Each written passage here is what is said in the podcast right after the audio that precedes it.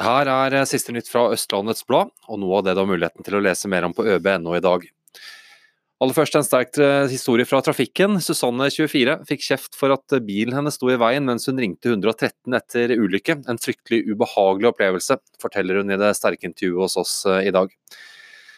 Til Ski, Unni Merete og Kafé Sjarm i gågata i Ski vurderte å gi seg. Nå skal de ansette flere, og grunnen til det er at det går så bra. Jobbet 1003 timer, oppga 82,5 timer til Nav. Nå må en Follomann i fengsel. Det blir ingen nye attraksjoner på Tusenfryd i år, de prioriterer heller det de har. Og vi var i går og så Ås-revyen, og du kan lese vår kulturanmelder Ole Endresens anmeldelse og se stor bildeserie fra dette arrangementet. Hun drept av råkjører. Jeg rakk ikke engang å dra til meg båndet før Simba lå knust på bakken, forteller eieren Rita til oss. Og Nå legges lederkabalen for Nordre Follo. Se hvilke 77 som har fått nye roller, og du kan også lese hos oss eh, hvem som skal lede kultursektoren i Nordre Follo kommune.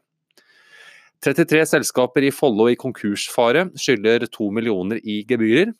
Og så til sportens verden. Vi har fått besøk av sportsgeneral Knut Stenseth her i ØB. I går så var det Follo-kamp. Hva vil du si om den kampen?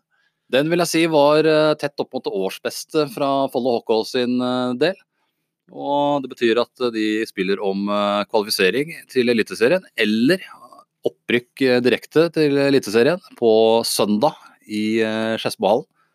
Det er egentlig bare å ta turen dit og heie Follo opp i Eliteserien, herrelaget. Hva, hva, hva, er det som gjør at Follo gjør det så godt i år? Det er Den største årsaken er danske Martin Lystad Hansen, spillende trener han er etter mitt skjønn den store forskjellen på laget i år og i fjor. Pluss at uh, en del av spillerne har tatt de, ja, de unge spillerne har tatt nye steg. Mm. Har du trua på at dette kommer til å gå hele veien? Jeg, jeg, har trua på det.